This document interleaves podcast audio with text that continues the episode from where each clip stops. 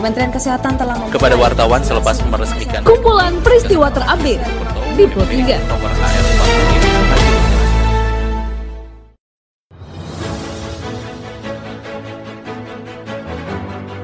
45. Halo pendengar, saat ini Anda sedang mendengarkan kumpulan peristiwa Pro 3. Pada podcast kali ini saya akan mengulas terkait isu-isu aktual yang saat ini masih hangat atau ramai diperbincangkan di sekitar kita.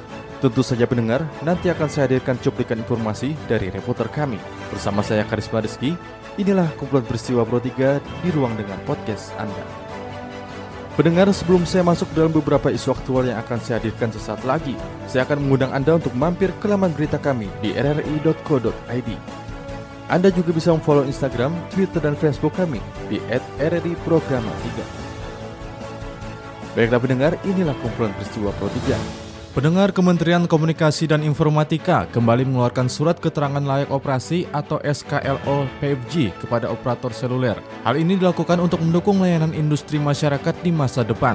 Dilaporkan Safira Amalia, berikut pernyataan Menteri Komunikasi dan Informatika Johnny G. Plate. Dengan diterbitkannya SKLO 5G ini menandakan bahwa seluruh sarana dan prasarana untuk penggelaran jaringan 5G yang telah selesai dibangun oleh PT Indosat Tbk secara teknis siap dioperasikan khususnya akan dilakukan pada pita frekuensi 1800 MHz atau 1,8 GHz dengan lebar pita 20 MHz dalam rentang 1837,5 MHz sampai 1857,5 MHz. Dalam raker dengan Mendikbud pada Selasa kemarin, sejumlah anggota Komisi 10 DPR menolak rencana PPN bagi sekolah dan kegiatan pendidikan.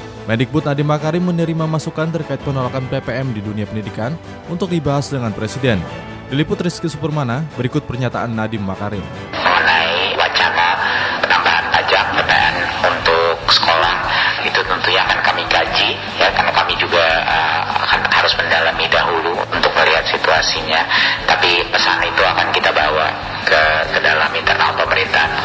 Pendengar Gubernur Lembaga Ketahanan Nasional atau Lemhanas RI, Letjen TNI Purnawirawan Agus menyebutkan penyelenggaraan secara konsisten penguatan sistem nasional akan sekaligus memberikan penguatan kepada karakter bangsa.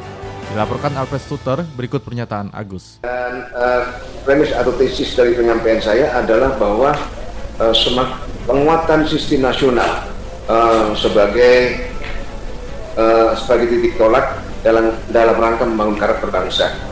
Uh, karena sistem nasional uh, kemudian uh, turunan langsung dari konsensus dasar kebangsaan berupa konstitusi dan undang-undang yang mengikat uh, itu uh, juga merupakan kesepakatan bangsa.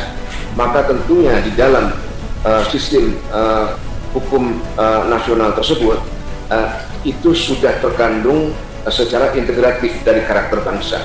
Karakter bangsa tidak hanya kita dapatkan pembangunannya pada saat implementasi, tetapi berawal dimulai dari perumusan legislasi, mulai dari konstitusi, kemudian semua turunannya dalam bentuk undang-undang yang mengikat seluruh warga. Demi mencegah penyebaran COVID-19 di Banyumas, Satgas Kabupaten membuat kebijakan baru dengan menyiapkan kartu pelanggaran prokes layaknya dalam pertandingan sepak bola.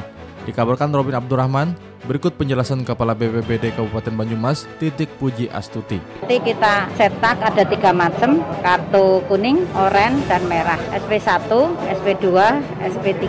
Kalau SP3 berarti penutupan. Baiklah pendengar, informasi tadi sekaligus mengakhiri perjumpaan kita pada podcast edisi hari ini.